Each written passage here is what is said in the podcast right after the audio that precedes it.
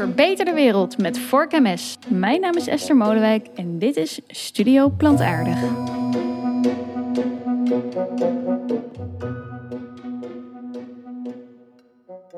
Volgens de een is het weggegooid belastinggeld aan toch al steenrijke veehouders. Volgens de ander een schamele fooi voor de hardwerkende boer. Ik heb het over de stoppersregeling.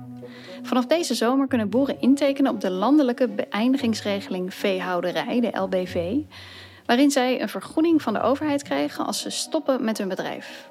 Minister Van der Wal presenteerde deze regeling als woest aantrekkelijk.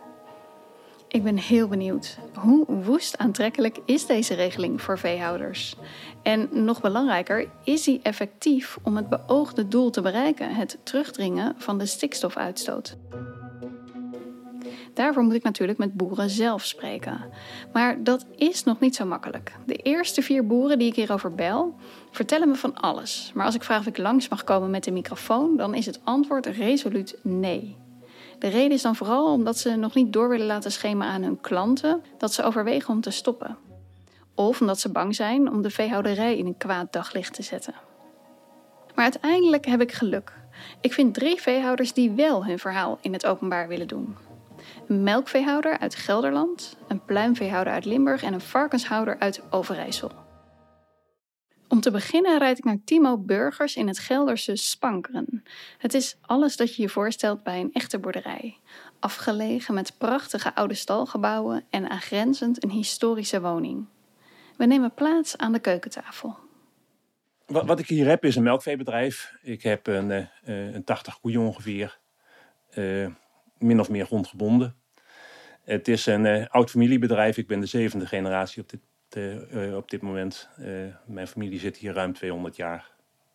Zevende generatie. Ja. ja. wanneer is jouw, wat is dat dan? Voor, voor, voor, voor, voor opa begonnen? precies 1800 op deze plek. Weet je, met hoeveel koeien? Ik heb geen flauw idee. Nee. ik, ik heb er 80, mijn vader had er 40, mijn opa had er 15. Oh ja? En hoeveel hectare grond uh, heb je bij het bedrijf? Uh, ruim 40 hectare in gebruik. 40 hectare voor 80 koeien. Is dat, is dat relatief veel? Of? Nou, dat is denk ik vrij gemiddeld. Dus in een, uh, in een normaal groeizaam jaar groeit hier voldoende voor mijn eigen koeien. Mijn, mijn melk gaat naar Friesland Campina. Ik ben daar lid van. Het is een, een coöperatie. Daar wordt het verwerkt tot ja, kaas, dagverse enzovoort. En kunnen we jou als een gangbare boer uh, kwantificeren? Of doe je nog biologisch? Of, of kalf bij de koe? Of uh, allerlei dat soort initiatieven? Uh, nee, het is een gangbare landbouw. het is wel zo dat ethiek een grote rol speelt in mijn, in mijn manier van, van denken, manier van werken. ik wil koeien houden op de manier die ik goed vind. En kun je daar eens wat voorbeelden van geven? nou, ik vind dat het fijn is als een koe in de wei loopt. En ik vind dat als een koe ziek is, dan moet je die de best mogelijke behandeling geven. En uh, je moet de koe de ruimte geven en er de, de, netjes mee omgaan. En ik probeer ook minimaal gebruik te maken van uh, bestrijdingsmiddelen bijvoorbeeld. Bestrijdingsmiddelen op het gras dat je. Op, op het gras, ja. Ja, en, en je noemt nu een aantal dingen die mij eigenlijk vrij voor de hand liggend zijn. Als een koe ziek is, moet je hem de best mogelijke behandeling geven. Doe je dat op een andere manier dan andere boeren? Nee, dat denk ik niet. Ik denk dat iedereen op zijn eigen manier uh, ethisch probeert te boeren.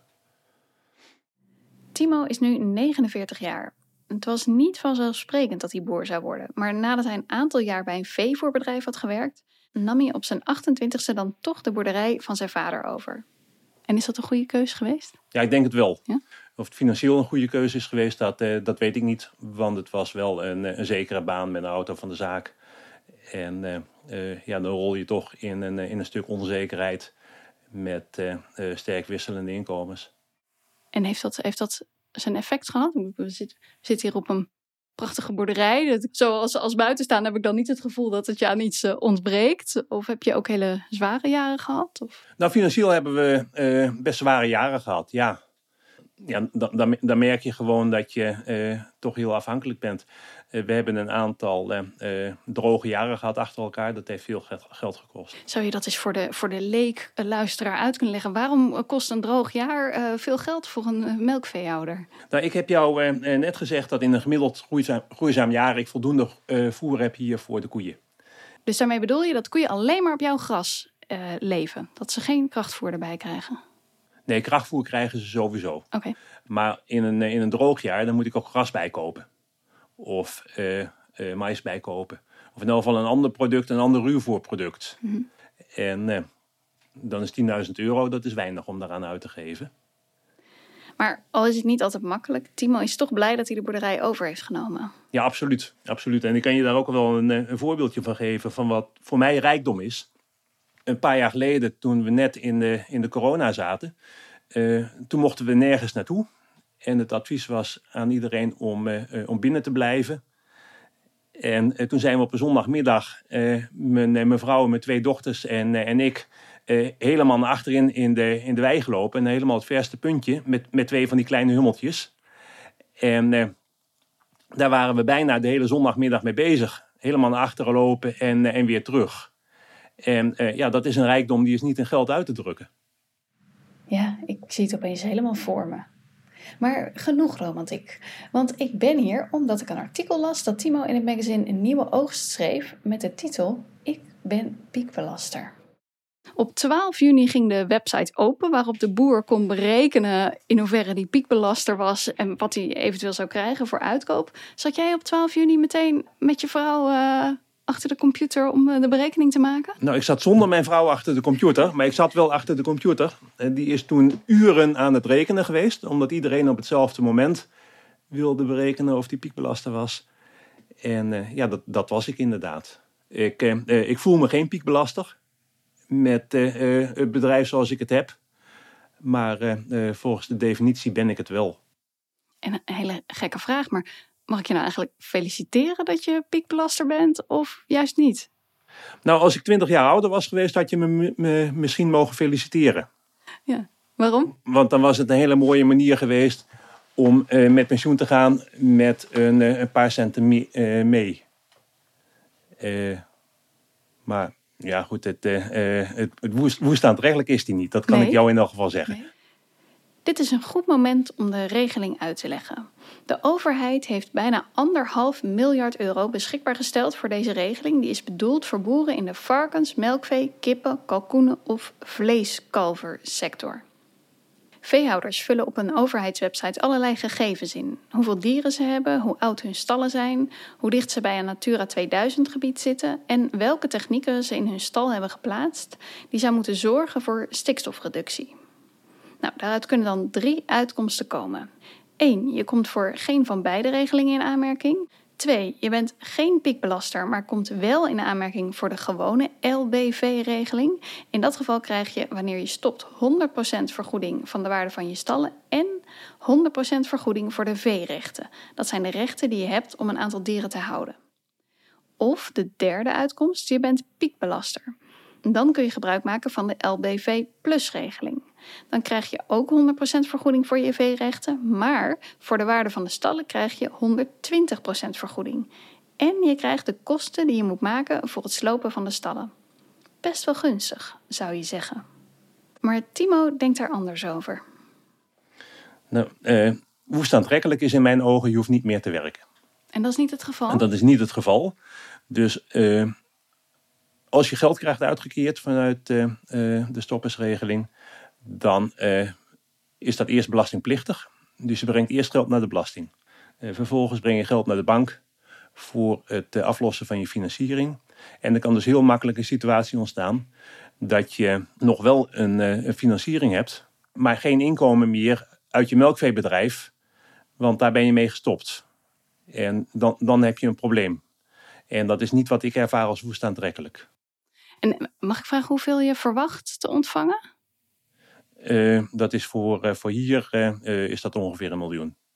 Dat is voordat ik belasting betaal daarover en voordat ik de bank aflos. Dat is nog goed om erbij te noemen. De regeling houdt er geen rekening mee of je nog een bank af moet betalen of dat je helemaal schuldenvrij bent. Timo weet nog niet het exacte bedrag dat hij zal ontvangen, maar hij verwacht de lening bij de bank in ieder geval grotendeels af te kunnen lossen. Dat betekent niet dat hij al kan gaan rentenieren. Nou kijk, ik ben 49. Het is uh, niet reëel om op je 49ste met pensioen te gaan. En uh, dat, uh, dat, dat, wil ik ook niet. Maar het, het, het, is dus ook niet zo dat er van alles overblijft. als ik meedoe aan, aan de stoppersregeling. Het hangt af van hoe we de boel dan in kunnen gaan vullen, hoe aantrekkelijk dat het is. Bovendien, zo laat Timo weten, wil hij de stallen helemaal niet slopen. En nou heb ik gisteren ontdekt, stel dat ik hier de stal zou willen laten staan om caravans in te stallen, dan eh, krijg ik daar geen vergoeding over. Ik krijg alleen maar een vergoeding als ik de stal sloop.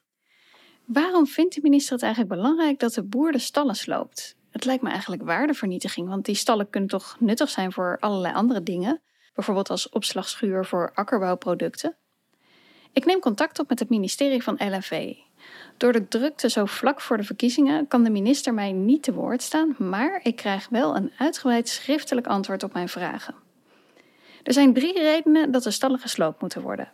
De eerste ligt voor de hand, om zeker te zijn dat er geen vee meer gehouden gaat worden. De tweede is om de zogenaamde verrommeling van het landschap tegen te gaan en de mogelijkheid tot ondermijning.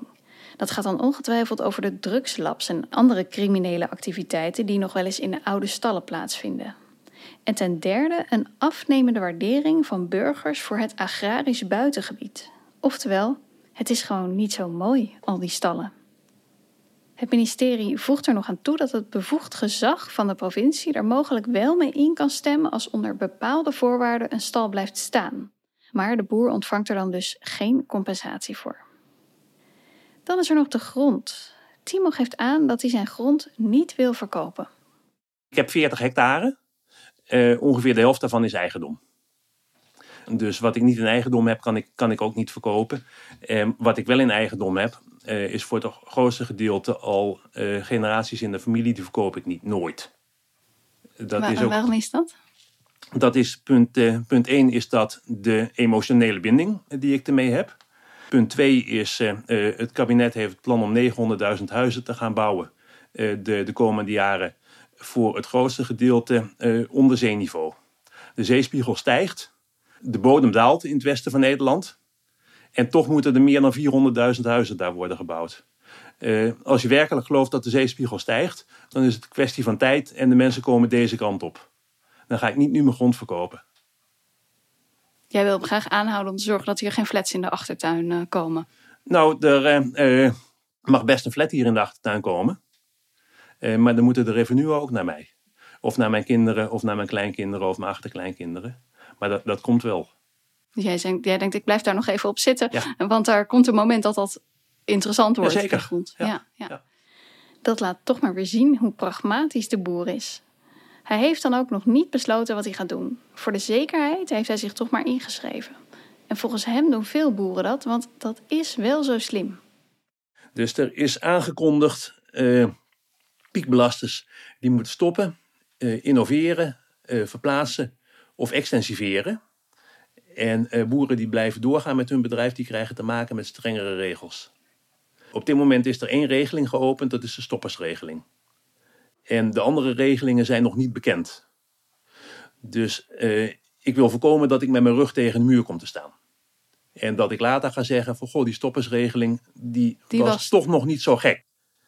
En uh, op het moment dat die andere regelingen bekend worden, kan ik mij niet meer aanmelden voor de stoppersregeling. Maar als ik me nu heb aangemeld, kan ik dan nog wel terug. Dus dat maakt het ook gewoon, in mijn ogen, gewoon verstandig om jezelf aan te melden voor de stoppersregeling. Vlak nadat ik met Timo heb gesproken, komt de regeling voor extensiveren ook in de lucht. Het leidt wat ver om daar in deze aflevering helemaal op in te gaan. Maar het is in ieder geval goed dat de boer weet wat zijn opties zijn voordat hij een definitieve keuze maakt. Ik vraag Timo of hij al nadenkt over een eventueel leven na de koeien. Zijn antwoord verbaast me, want wat blijkt, hij zou best wel over willen stappen op akkerbouw. Als ik kies voor, uh, voor stoppen met, uh, met vee, dan, ja, dan, dan, wil ik graag de grond blijven gebruiken. En dan ga ik geen, geen, geen voer meer verbouwen, maar dat zouden bijvoorbeeld aardappels kunnen zijn. Dus gewoon een andere invulling geven aan, de, aan dezelfde grond. Eigenlijk ben ik meer gehecht aan dit plekje waar mijn familie al 200 jaar zit, dan dat ik per se koeien wil melken. Dus ik, ik, ik zou me een leven kunnen voorstellen zonder koeien. Uh, op het moment dat de voorwaarden er, er, zijn. En die voorwaarden zijn dus van uh, ja, gewoon op een perspectiefvolle manier verder. Ik hoor vaak dat dat verschil tussen akkerbouwen en veeteelt levensgroot is. Dat dat voor een boer een enorme stap is om van het een naar het ander om te schakelen. Jij doet er eigenlijk over alsof je dat best wel zou kunnen. Ja, ik denk ook wel dat ik dat kan. Alleen er moet er wel wat veranderen. Want in mijn hoofd ben ik nu een koeienboer. En uh, in mijn hoofd moet ik dan een, een akkerbouwer worden. En dat is echt wel wat anders. Leg eens uit. een koeienboer die is bezig met de verzorging van zijn koeien. En die heeft de grond ten dienste van de koeien. En een akkerbouwer die heeft eh, die grond en die verbouwt daar gewassen op. En die, die, grond is zijn kapitaal. Dat vraagt een omslag in, in het denken. En dat, dat kan ik best leren. Maar niet van de ene dag op de ander. akkerbouwen dat is gewoon ook een, een vak dat je moet leren. Zo beschouwd lijkt de regeling in het geval van deze boer exact haar doel te bereiken. Als hij op die 40 hectare overschakelt naar akkerbouw in plaats van veeteelt, scheelt dat stikstof- en methaanuitstoot. Bovendien levert het veel meer voedsel per hectare op. Interessant is dat hij zelf noemt dat overschakelen naar de akkerbouw hem meer perspectief biedt. Zie je het ook wel voor je? Word je er ook wel enthousiast van als je erover nadenkt om dat op te gaan pakken? Uh, van de ene kant wel. Van de ene kant wel, want uh, als je een bepaalde hoeveelheid grond hebt die niet verandert, maar je kan daar een wat meer specialistische teelt op gaan doen, dan is dat een vorm van groei. En als het, eh, het alternatief is dat die, die 80 koeien van mij eh, moeten krimpen naar 60 koeien om binnen de milieudoelstellingen te passen, waardoor je met die 60 koeien al geen inkomen meer verdient, en niet het perspectief eh, dat het ooit nog weer meer koeien kunnen worden, eh, ja, dat is ook geen aantrekkelijk scenario. Van Timo horen we straks nog meer. Eerst door naar de tweede boer, een pluimveehouder in Limburg.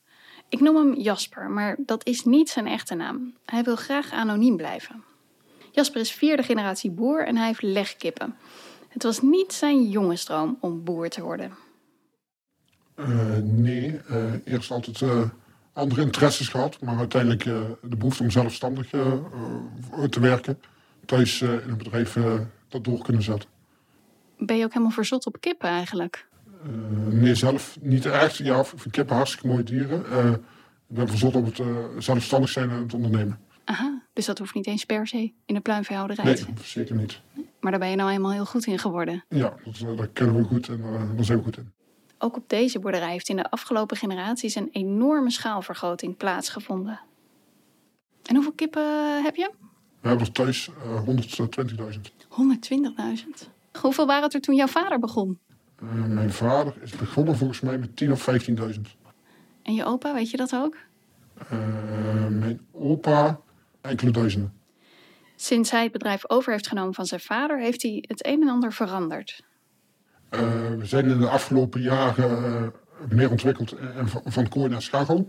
Uh, en geïnvesteerd in andere bedrijven in vrije uitloop en bedrijven.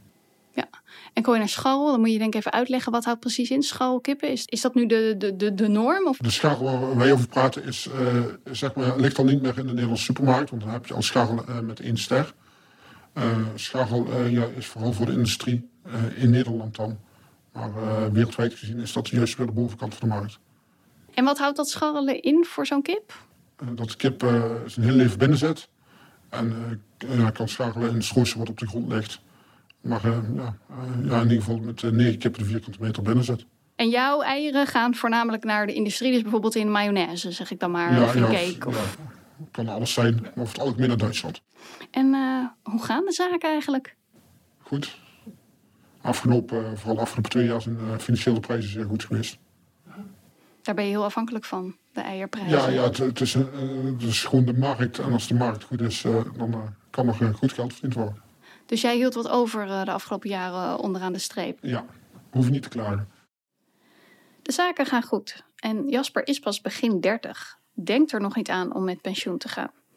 Zijn kinderen zijn nog te klein om ze te vragen of ze het bedrijf later over willen nemen. Maar ik heb wel gehoord dat hij piekbelaster is. Dat klopt, ja. Mag ik je daarmee feliciteren of juist niet? Uh, ik denk dat het per bedrijf ontzettend verschillend uh, uh, heel eerlijk gezegd, ons komt het goed uit. Dus ik mag je feliciteren? Ja. Toen de regeling openging, zat hij nog niet meteen achter de computer.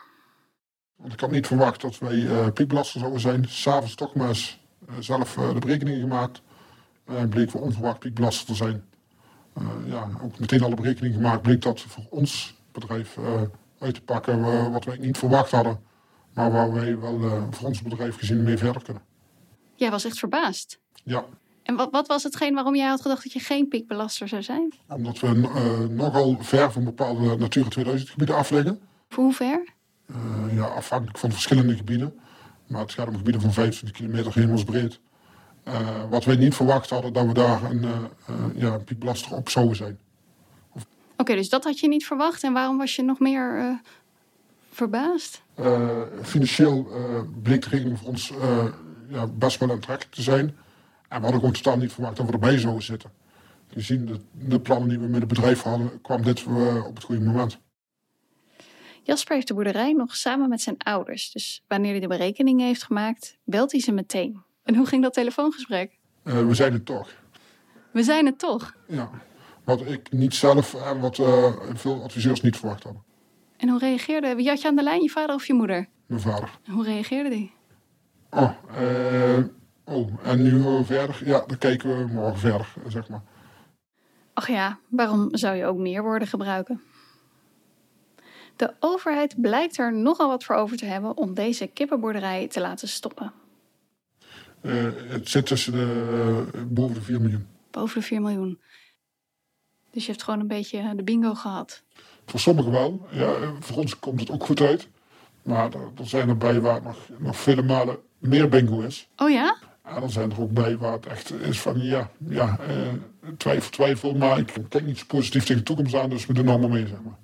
Maar je zegt nog meer bingo. Wat, wat zijn de hoogste bedragen die je zo'n beetje gehoord hebt? Maar er zitten dadelijk bedrijven bij boven de 20, 30 miljoen. Als je groot bedrijf hebt met verschillende locaties, die dan in één keer zeggen we doen mee, gaat het over aanzienlijke bedragen. Jeetje, 20 miljoen. Dat klinkt nogal woest aantrekkelijk. Jasper heeft net geluk met zijn stallen. De overheid berekent namelijk de waarde van de stallen op basis van wanneer ze gebouwd zijn. Hoe nieuwer, des te hoger de vergoeding die je krijgt per vierkante meter. Het is niet zoals bij een huis, dat er een taxateur langskomt om te kijken hoe mooi de vloer of de badkamer is. Nee, het bedrag wordt gewoon vastgesteld op basis van het bouwjaar. En dat gaat bij, verwacht ik nog, bij heel veel bedrijven nog wel wat discussie opleveren. Aan de andere kant heeft iedereen eh, belang om zo'n laag mogelijk bedrag op de WZ te hebben. En nou moet je zo'n hoog mogelijk of gezet mogelijk bedrag op de WZ hebben. En dan is daar nog de vraag, hoe gaat de overheid hiermee om? Ja, ja, want dat lage bedrag voor op de WOZ, dat is altijd interessant voor je belastingaangifte. En nu moet je op de een of andere manier je pand zo invoeren dat het juist heel veel waard zou ja, zijn. Vaak hebben bedrijven nog oude bouwjaren op de WOZ staan om die waarde te drukken. En uh, daardoor blijken er bij heel veel bedrijven dingen op papier dus niet te kloppen. Uh, ja, nu, nu heb je net een tegengesteld belang. En hebben jullie de laatste jaren nog geïnvesteerd in allerlei uh, emissiearme stallen en luchtwassers en dat soort zaken? Nee, het bedrijf is up-to-date, maar er zijn geen extra uh, emissiereducerende technieken toegepast. Dat is ook wel de reden dat we een piekbelaster zijn. Over het algemeen zijn alle bedrijven die weinig technieken toegepast hebben of veel dieren hebben, die zijn over het algemeen piekbelaster. In afhankelijk per regio of de Natura 2000 gebieden liggen. Dus als jij uh, net vorig jaar had besloten om maar overstag te gaan en die luchtwasser te kopen, had het zomaar gekund dat je er nu buiten had gevallen. Wij geen piekbelasting geweest. Jasper heeft extra geluk, want zijn lening bij de bank is bijna afbetaald. En tegen die tijd niks meer. En houdt de overheid daar dan nog rekening mee? Dat ze zeggen, als er Nee. veel financiering op zit, dan geven we je wat extra Nee. om je... Nee, nee. En daardoor zie je wel dat vooral de mooiere, grotere bedrijven waarschijnlijk gaan stoppen. Waarom? Leg eens uit. Over het algemeen hebben die technisch en ook altijd wel goed gedraaid. Dus over het algemeen wat minder financiering. Zijn beter bij. Eh, hebben ook de aantallen gehad. eh, om in ieder geval het geld terug te brengen naar de bank. En we zijn ook wel degene die nou het meeste uitstoten. Dus ook wel degene die in aanmerking komen. Als je het zo bekijkt, is het eigenlijk best een effectieve regeling. Want dat zijn juist de bedrijven die je zou willen hebben als overheid. Ja, van de ene kant wel. Maar dat zijn over het algemeen ook wel de bedrijven die financieel krachtig zijn om door te investeren wanneer nodig. Zijn up-to-date, eh, hebben vaak bedrijfsmanagement, alles best op orde. Eh, en dat zijn in de markt wel de bedrijven die normaal voorop lopen. Ah, dus je zegt eigenlijk, we halen de betere boeren nu uit de markt. er gaan heel veel uh, nette grote bedrijven stoppen waar de meesten niet van verwachten. Jasper is dus van plan om mee te gaan doen. Ik ben benieuwd hoe het stopperstraject er dan uitziet. Je krijgt eerst een beschikking. Die beschikking moet, als ik het goed zeg, begin november bij iedereen binnen zijn die op de dag van de opgave van regeling ingeschreven heeft. over die beschikking mag je een half jaar uh, nadenken of je hem tekent of niet. Want de beschikking is het definitieve bedrag dat ze jou uiteindelijk ja, bieden. En ja. dan dadelijk is ook nog de vraag heel veel, kun je over die beschikking in gesprek of niet? Want dat, zal bij sommige bedrijven ook nog wel wat discussie opleveren. Wat staat er in die beschikking en klopt dat met, met de bedrijfssituatie? Uh, en uh, voordat je die beschikking tekent, zul je in overleg moeten met de gemeente wat ga je herbestemmen van je locatie? Want dat bepaalt de openbare. Uh, kun je er een woning bouwen, kun je er een loods bouwen, kun je er akkerbouwgrond van maken? Wil de gemeente daar meer bewegen? In ieder geval bepaalt ook de, de, waarde die je nog in bezet hebt. Daarna krijg je meer dan een jaar om nog je kip aan te houden. Dan moet je melden dat je bedrijf leeg is en dan krijg je nog bijna een jaar om je bedrijf te stoppen. En, um, uh, want jij hebt nu natuurlijk bepaalde rechten om een, nou wat is het, 120.000 kippen te houden. Moet je die rechten inleveren of hoe werkt dat? Minimaal 80% moet je inleveren. Uh, de overheid betaalt er 10,75 euro uh, per recht voor. Is dat goed? dat is net marktcomfort plus. dit is ook wat iedereen precies verwacht. Op dat moment stond de notering op 10,50 euro. Betalen 25 cent meer, kan niemand erover zeuren. Dit is een belangrijk punt. De boer moet zijn veerechten dus verkopen aan de overheid. De bedoeling daarvan is dat deze rechten nooit meer opnieuw uitgegeven worden. De 120.000 kiprechten waar Jasper afstand van doet, zullen dus een inkrimping van de veestapel zijn. Hij woont ook bij zijn bedrijf in een zogenaamde bedrijfswoning. En hij weet nog niet of hij er zou willen blijven wonen. Uh, afhankelijk wat er in de buurt uh, om mij heen gebeurt. Als er meerdere bedrijven bij ons in de buurt die overwegen om te stoppen. En uh, afhankelijk van hoe dat plaatje er dadelijk uit gaat zien. En wat we met de locatie die we nu hebben uiteindelijk kunnen. Want zeg je, als er meerdere bedrijven stoppen, dan vind je het aantrekkelijker om te blijven wonen? Of dan vind je juist ja, niet? Ja, dan, dan, dan, kan het aantrekkelijker worden. Uh, we wonen dan gewoon in een veedicht gebied. En het zit gewoon niet zo prettig buiten in de zomer. Uh, ja, dan liefst zou ik dan ergens anders wonen. Dit vind ik nou wel frappant wat je zegt. Je bent opgegroeid naast een kippenstal in de geur van de kippen, zal ik maar zeggen. Ja, de kip, uh, varkens, noem het maar op, ja. Dat zit je elke dag, ja. de varkens om je heen. Maar je zegt, als ik misschien mijn boerderij wegdoe, dan, dan heb ik er geen zin in om een buurman te hebben die van die stinkende varkens in de tuin heeft. Ja, of ze stinken, daar lijkt me niet over uit. Maar dan liefst ook dan ergens anders wonen, ja. Maar ik zou uiteindelijk liever zelf ook meer richting uh, het dorp wonen. En um, wat, wat, wat zou je dan doen met je woning? Kijken of we die kunnen verkopen of, uh, of aanhouden. En want je had het net nog even over vergunningsprocessen en zo. Is dat nog ingewikkeld? Wat je wel en niet mag met je woning? Uh, het probleem is vooral, er komen uh, per regio verschillend, maar er komen zoveel aanvragen. Uh, waarbij de gemeente dat waarschijnlijk niet af kan. en wel onderdeel van het stoppen is dat je wel duidelijkheid in je vergunning hebt. Want dat bepaalt een gedeelte van de waarde die je kunt krijgen. Ja, dus duidelijkheid in de vergunning van je woning. Want... Woning en, en bedrijfslocatie. Kun je er als voorbeeld aardappelbewaarplaatsen van maken? Of bouw je er een nieuwe andere loods terug? Of wat ga je met die bestemming doen? Want er zit uiteindelijk een bouwblok op. Ja, precies. Je er geen dieren meer houden volgens de regeling. Maar je kunt er nog wel een aardappelbewaarplaats bijvoorbeeld van maken. Wat zou jij ervan willen maken? Uh, uh, kijken wat financieel het meest aantrekkelijk is om die locatie uh, op te waarderen. De gemeentes krijgen het druk. Want alle boeren die zich inschrijven voor de stoppersregeling willen weten wat ze met hun bestemming mogen. Mag hun bedrijfswoning omgezet worden naar een gewone woning? En mogen ze bijvoorbeeld wel een aardappelschuur bouwen? Dat heeft allemaal invloed op hoe de rekensom uiteindelijk voor ze uitpakt en dus op hun keuze of ze wel of niet mee gaan doen. Jasper heeft dus besloten om deze locatie, die hij met zijn ouders heeft, te laten stoppen. Maar hij gaat wel door met de andere pluimveelocaties die hij heeft.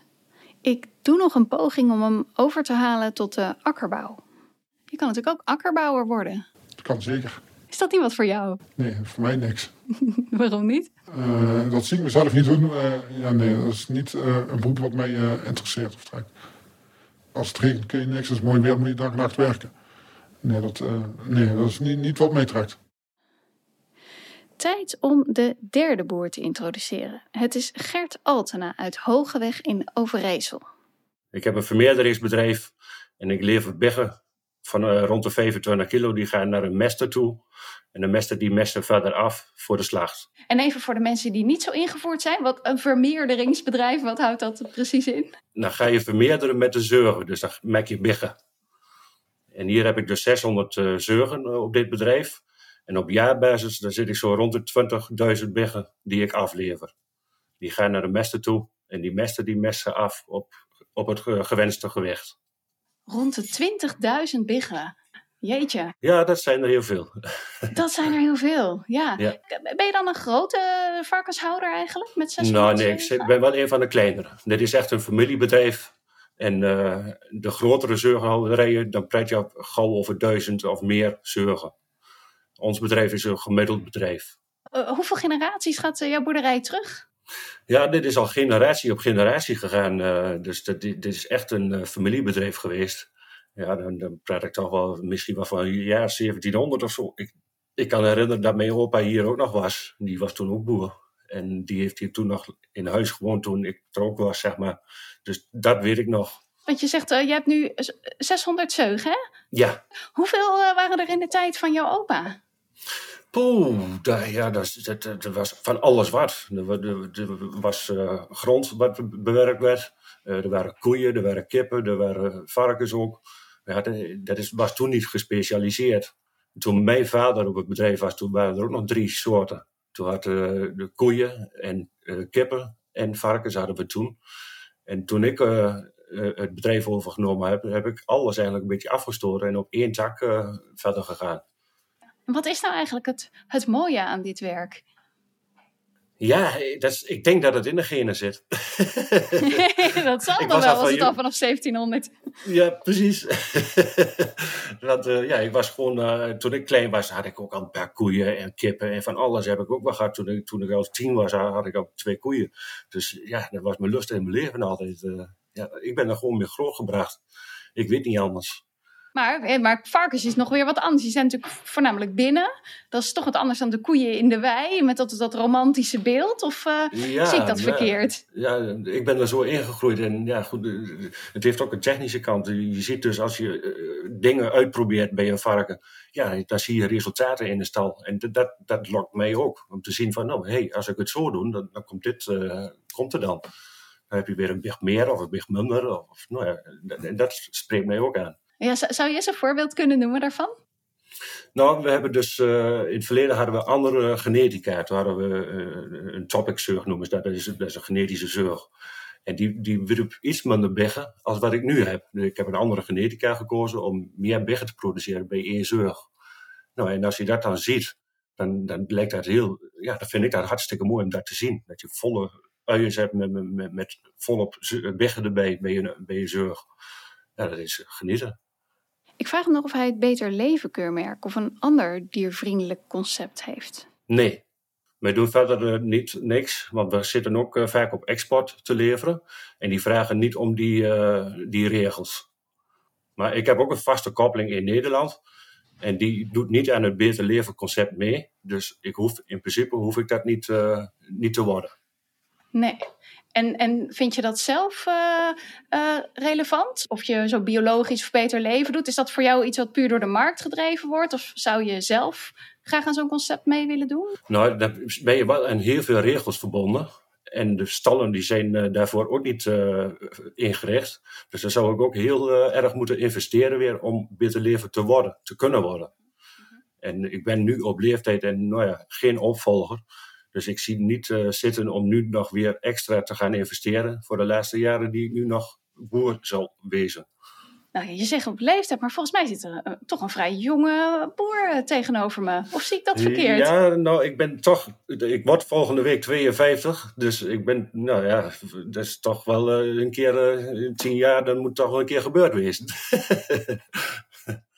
Gert kijkt dus al vooruit naar zijn pensioen, maar hij heeft geen opvolging. We hebben wel kinderen hier, maar die, die zien ervan af. Dat, Ja? eh, en daar hebben ze ook gelijk in, vind ik hoor. Want eh, je moet toch, als je boer bent, moet je 24-7 eh, moet je er wezen. En als dat niet op een of andere manier kan, ja, dan moet je er echt niet aan beginnen. Je bent dag en nacht ermee bezig. En voor dat hongerloontje wat je dan ook nog krijgt, ik doe het met veel plezier. Dus ik, ik vind het hartstikke leuk werk. Ja, anders deed ik het ook niet net zo goed. maar het is echt wel een hongerloontje wat je hebt hoor. De uren, tenminste als de uren rekent. Ah, ja. ja. Ja, We hebben zelfs jaren gehad dat het geld kostte. Dus dan, eh, ik heb ook een vaste werknemer in dienst. Ja, die verdiende nou meer als, als ik. En ik heb wel alle Ja. lasten en lusten van, van het bedrijf. Dus eh, ja. Maar begrijp ik goed dat je die 600 zeugen, dat doe je alleen met één vaste werknemer? ja Dus één met z'n tweeën eigenlijk? Met z'n tweeën, Ah ja. ja. Ja. En er zijn dus jaren geweest waarin dat niet uitkomt. Dus eigenlijk heb je maar twee salarissen en die kun je nog niet ja, voldoende betalen op 600 zeugen. Nee, nee. Maar dat houdt ook in omdat we gigantisch eh, geïnvesteerd hebben in de stallen. Ja, toen, toen, toen moest ik dus een hypotheek afsluiten. En eh, ja, dat ging toen al heel moeilijk, omdat het vrij gefinancierd was. En eh, ja, als dan de jaren ook nog niet meer zitten qua prijzen, ja, dan gaat het dubbel op. Dus dan wordt het lastiger. Maar dat heb ik gelukkig tot nog toe eh, is dat eh, goed gegaan. Dus we zijn niet, eh, wat dat betreft, eh, kunnen we niet klagen. Er zijn wel andere boeren. Op dit moment eh, draai, je, draai je wel zwarte cijfers, om het maar zo te zeggen. Ja, op dit moment Ja. draait het heel mooi. Ja, Ja, ja. want de, de varkensprijs is ook goed, als ik me niet vergis. ja, op dit moment zijn de prijzen mooi. Ja, Maar omdat hij dus geen opvolger heeft, is een stoppersregeling natuurlijk wel heel aantrekkelijk. Ik vraag aan Gert of hij er gebruik van gaat maken. Ze zeggen dus dat het woest aantrekkelijk is. En eh, ja, daar ben ik dus ingedoken. Alleen eh, ik kan er helemaal niet aan meedoen ook. Dus dat je is een er ander probleem. aan meedoen. Nee, Werkelijk. ja, want ik had eh, verwacht dat ik wel met de LBV-regeling mee zou kunnen doen. LBV plus niet, want dan was je piekbelasting. Nou, dat, dat wist ik wel dat dat niet zo was. Alleen de LBV kan ik ook niet aan meedoen, want ik heb geen uitstoot genoeg. Je hebt geen uitstoot genoeg. Hoe ironisch. Tenminste, ten opzichte van de Natura-gebieden dan. Hè? Dus dat gaat naar de Natura-gebieden, Natura 2000-gebieden. En als je dan in een straal van 25 kilometer woont, dan ben je mogelijk een belaster. Nou, en ik had ook verwacht dat ik, want ik zit in een straal van 25 kilometer, dus ik had verwacht dat ik ook een belaster was. Maar eh, nee, het blijkt dus niet zo te wezen.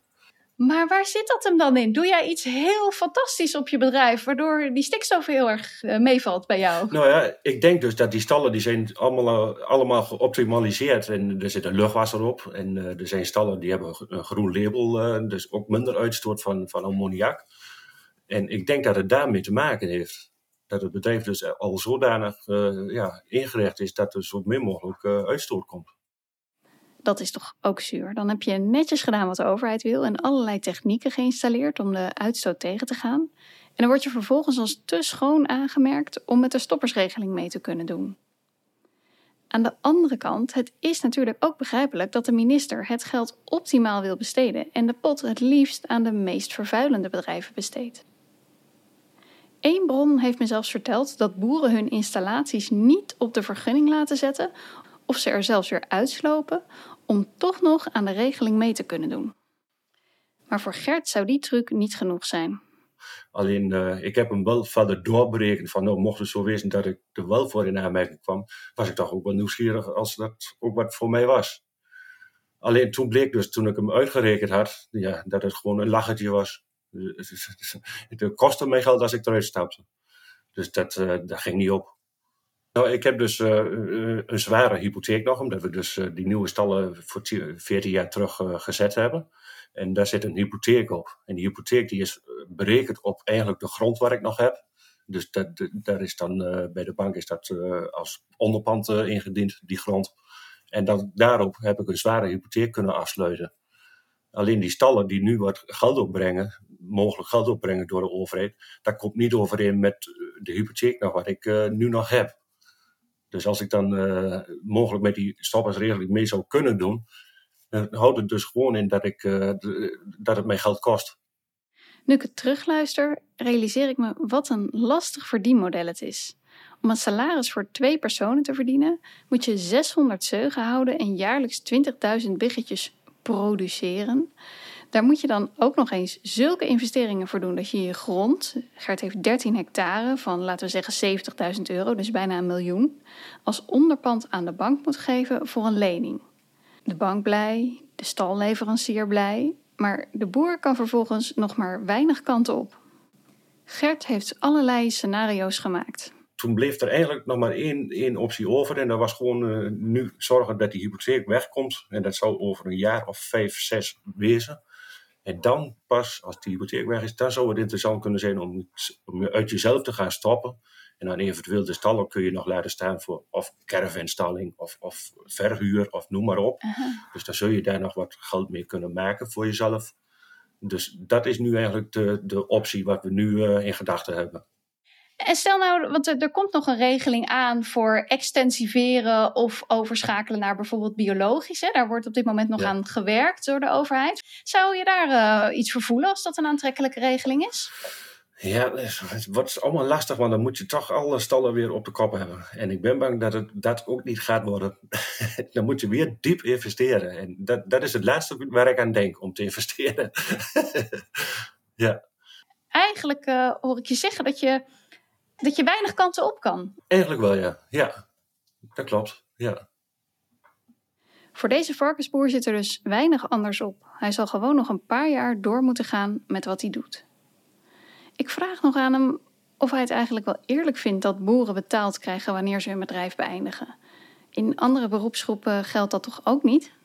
Nou, ik vind het wel eigenlijk terecht, ja, want ze willen ons in principe weg hebben. Daar komt het toch eigenlijk kort gezegd op neer. Het was uh, na de oorlog in de jaren 40 hebben ze een werkpremie uitgekeerd. Want uh, toen hebben ze gezegd van hongerleden, dat, dat nooit weer in Nederland. Dus hebben we het weer ingevoerd. En de wet houdt dus in dat 45% van de stallen betaald werden door de overheid. Toen was het net andersom. en nu zitten we op, op een punt dat, dat we eigenlijk weer weg moeten van de overheid. Nou, dan, als dat moet, dan moet dat ook betaald worden, vind ik. Er zit nog iets aan die regeling dat veel boeren een doorn in het oog is. Het beroepsverbod. Wanneer je meedoet aan de stoppersregeling, mag je niet opnieuw ergens anders een intensieve veehouderij starten. Dat is natuurlijk heel begrijpelijk, zo zegt Jasper. Uh, waarbij als je in de regeling duikt ook wel ergens begrijpt. Want het is uiteindelijk Europees geld, of in ieder geval geld waar je aan de Europese regels moet voldoen. En ja, ergens is het ook oneerlijke concurrentie. Als wij heel veel geld zouden krijgen en we vertrekken naar een ander stuk van Nederland waar nog wel dingen mogelijk zijn. En we bouwen met het, uh, ja, geld van de overheid een nieuw bedrijf. Dan concurreer je toch wel in je eigen markt. Maar slim als ze zijn, weten boeren dit te omzeilen. Je ziet dat heel veel jongere boeren daar onderuit wonen. Of willen zorgen dat ze in ieder geval niet met de rug tegen de muur gaan staan.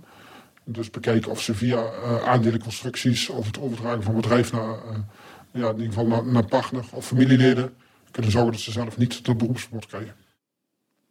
Je zet dus eerst je boerderij op naam van een familielid, bijvoorbeeld je vader of een oom. Diegene tekent dan voor de stoppersregeling en die krijgt het beroepsverbod. Zo kan je zelf gewoon verder in de intensieve veehouderij. Door de overvloed aan regels waar boeren continu mee te maken hebben, zijn ze slim en berekenend geworden. Niet in de laatste plaats door de vele adviseurs die hen hierin bijstaan. Hoe is eigenlijk het animo om te stoppen? De laatste stand op 15 november is dat 769 boeren een aanvraag hebben gedaan. 351 daarvan zijn varkenshouders, 131 pluimveehouders en 143 melkveehouders. Dat is zo'n kleine 4% van de 20.000 intensieve veehouderijen die Nederland telt. Maar betekent dat nou dat de regeling effectief is? Gaat deze anderhalf miljard euro ervoor zorgen dat er meer boeren gaan stoppen dan het natuurlijke verloop zou zijn? Timo is daar sceptisch over. Ik heb het idee dat het juist verschrikkelijk tegenvalt. Oh ja. uh, want de laatste jaren zijn er uh, minder boeren gestopt dan, uh, dan anders. Vorig jaar hadden we een hele goede melkprijs. Maar er is ook al een paar jaar een hoest aantrekkelijke regeling beloofd. Waar mensen op hebben gewacht. En waarschijnlijk zullen er nu ook mensen aan mee gaan doen. Die van plan waren om over 1, 2 of 3 jaar te gaan stoppen. Nou, als je dan dus weet van elk jaar stopt een 3 à 4 procent. dan valt het percentage deelnemers me nu heel erg tegen. Het zijn geen extra mensen die, die stoppen. Nee. En bovendien zijn het mensen die zich hebben aangemeld. En dat is ook nog wat anders dan uh, dat ze werkelijk mee gaan doen. Jasper voegt er nog aan toe dat het beleid de afgelopen jaren zelfs de perverse prikkel gaf om juist zoveel mogelijk dieren aan te houden. Volgens mij, als ik het goed zeg, vorig jaar nog aantal dieren juist gestegen een beetje is. is vooral gekomen omdat er veel onduidelijkheid in de markt is. Gaat iedereen zijn vergunningsruimte volop benutten om maar zeker, dingen zeker te stellen. Door juist het onduidelijkheid het overheidsbeleid worden de dieren juist aangehouden. Wat je nou ziet, ze kijken naar 2021, wat je bezetting was. Je ziet dus nou ook dat bedrijven banen dat ze in 2021 niet vol hebben gezeten. Ah ja, en even bezetting, dan bedoel je het aantal dieren dat je daadwerkelijk had. En hoe hoger dat was op dat moment, hoe meer je aan vergoeding Of je wel of niet kwietbelast was. Oh ja. Dus eh, je ziet als je terugkijkt, juist eh, als je kijkt naar bijna hele hoop overal zijn dierenaantallen gedaald. Juist in Nederland niet, maar dat komt door onduidelijk eh, overheidsbeleid. Bij twijfel blijft iedereen stilzitten.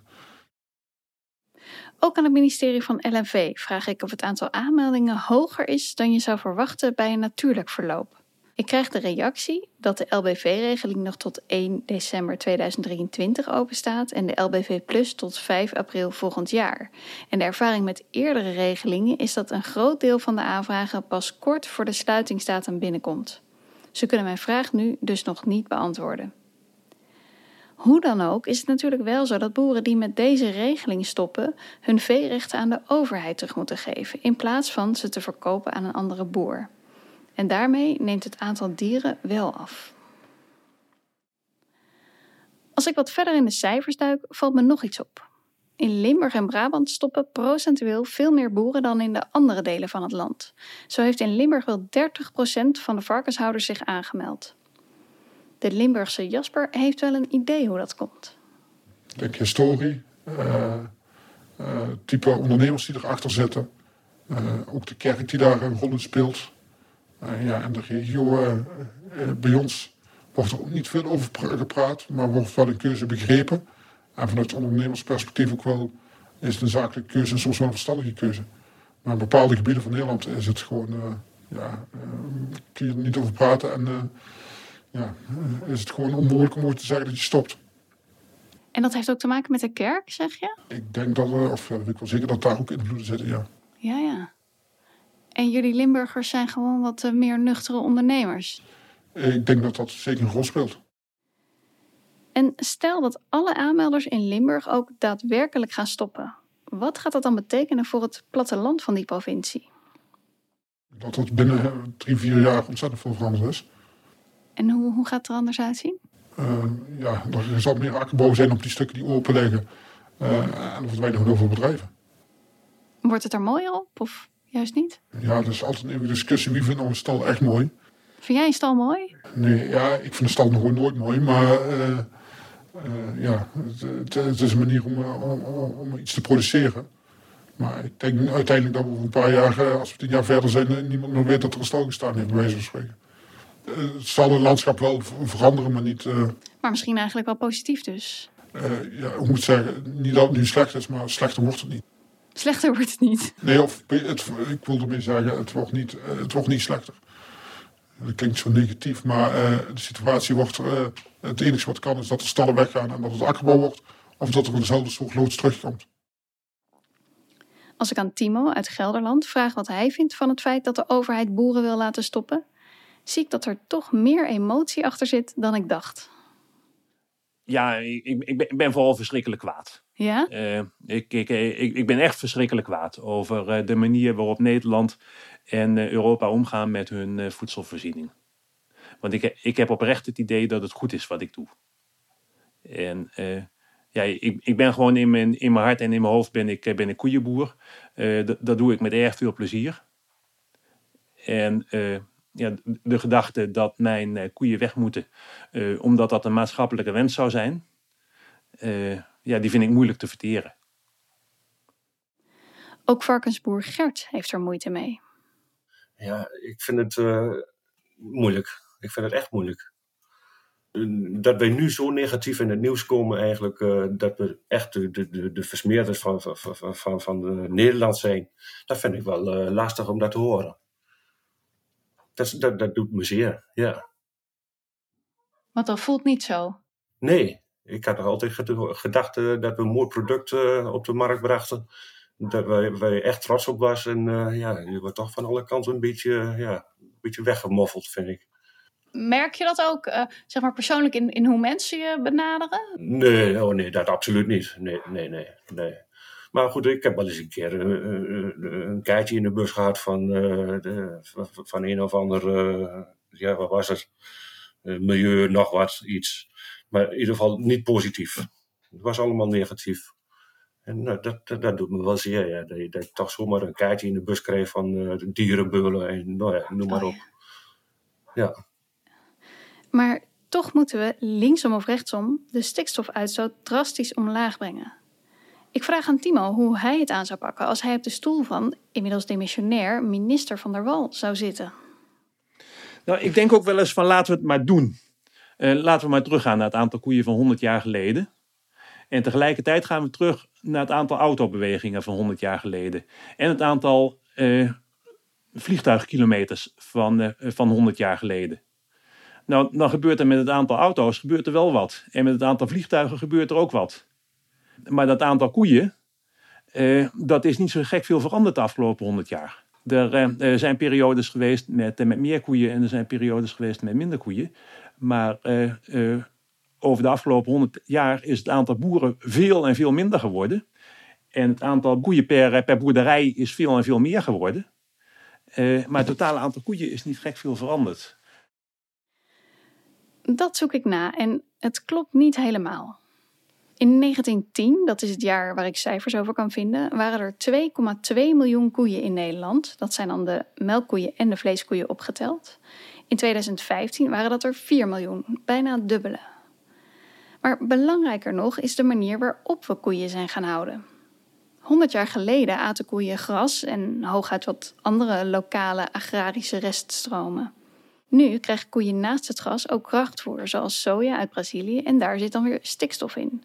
Bovendien wordt op de graslanden waar de koeien grazen kunstmest gestrooid, ook weer stikstof. Kortom, we importeren allerlei stikstof die we hier in de vorm van uitstoot en mest terugkrijgen in de bodem, de lucht en het water. Het voordeel van al dat toegevoegde krachtvoer en kunstmest is een flink toegenomen productie per koe. Werd er uit de gemiddelde koe van 1910 2500 liter melk per jaar gemolken, nu is dat 8000. Ruim drie keer zoveel dus. Timo heeft natuurlijk een punt dat de luchtvaart en ander gebruik van fossiele brandstoffen enorm is toegenomen. Maar laat het duidelijk zijn dat de stikstof en de methaanuitstoot van de melkveehouderij ook enorm zijn gestegen. Bovendien is het aantal kippen sinds 1910 15 keer zo groot geworden en het aantal varkens 9 keer zo groot. Als ik bijna klaar ben met het maken van deze aflevering, stuit ik op een opvallend artikel op de NOS. Het blijkt dat verschillende veehouders nog steeds aan het uitbreiden zijn. Zo wordt er bijvoorbeeld in Montfort een varkenstal uitgebreid van 12.000 varkens naar 18.000. Hoe is het mogelijk dat we aan de ene kant veehouders uitkopen en dat anderen mogen uitbreiden? Ook dit leg ik voor aan het ministerie. Het antwoord is lang en ingewikkeld. Maar het komt erop neer dat sommige boeren binnen hun bestaande vergunning nog ruimte hebben voor extra dieren. Latente ruimte wordt dat genoemd. Of dat boeren ruimte van andere boeren gebruiken. Dat heet dan salderen. Het kabinet heeft vorig jaar al stappen aangekondigd om de mogelijkheden hiervoor aan banden te leggen. Na een uitgebreide internetconsultatie, want zo gaat dat in ons polderland, is het ministerie nu druk bezig om een voorstel uit te werken. Het is aan het volgende kabinet om daar dan besluiten over te nemen.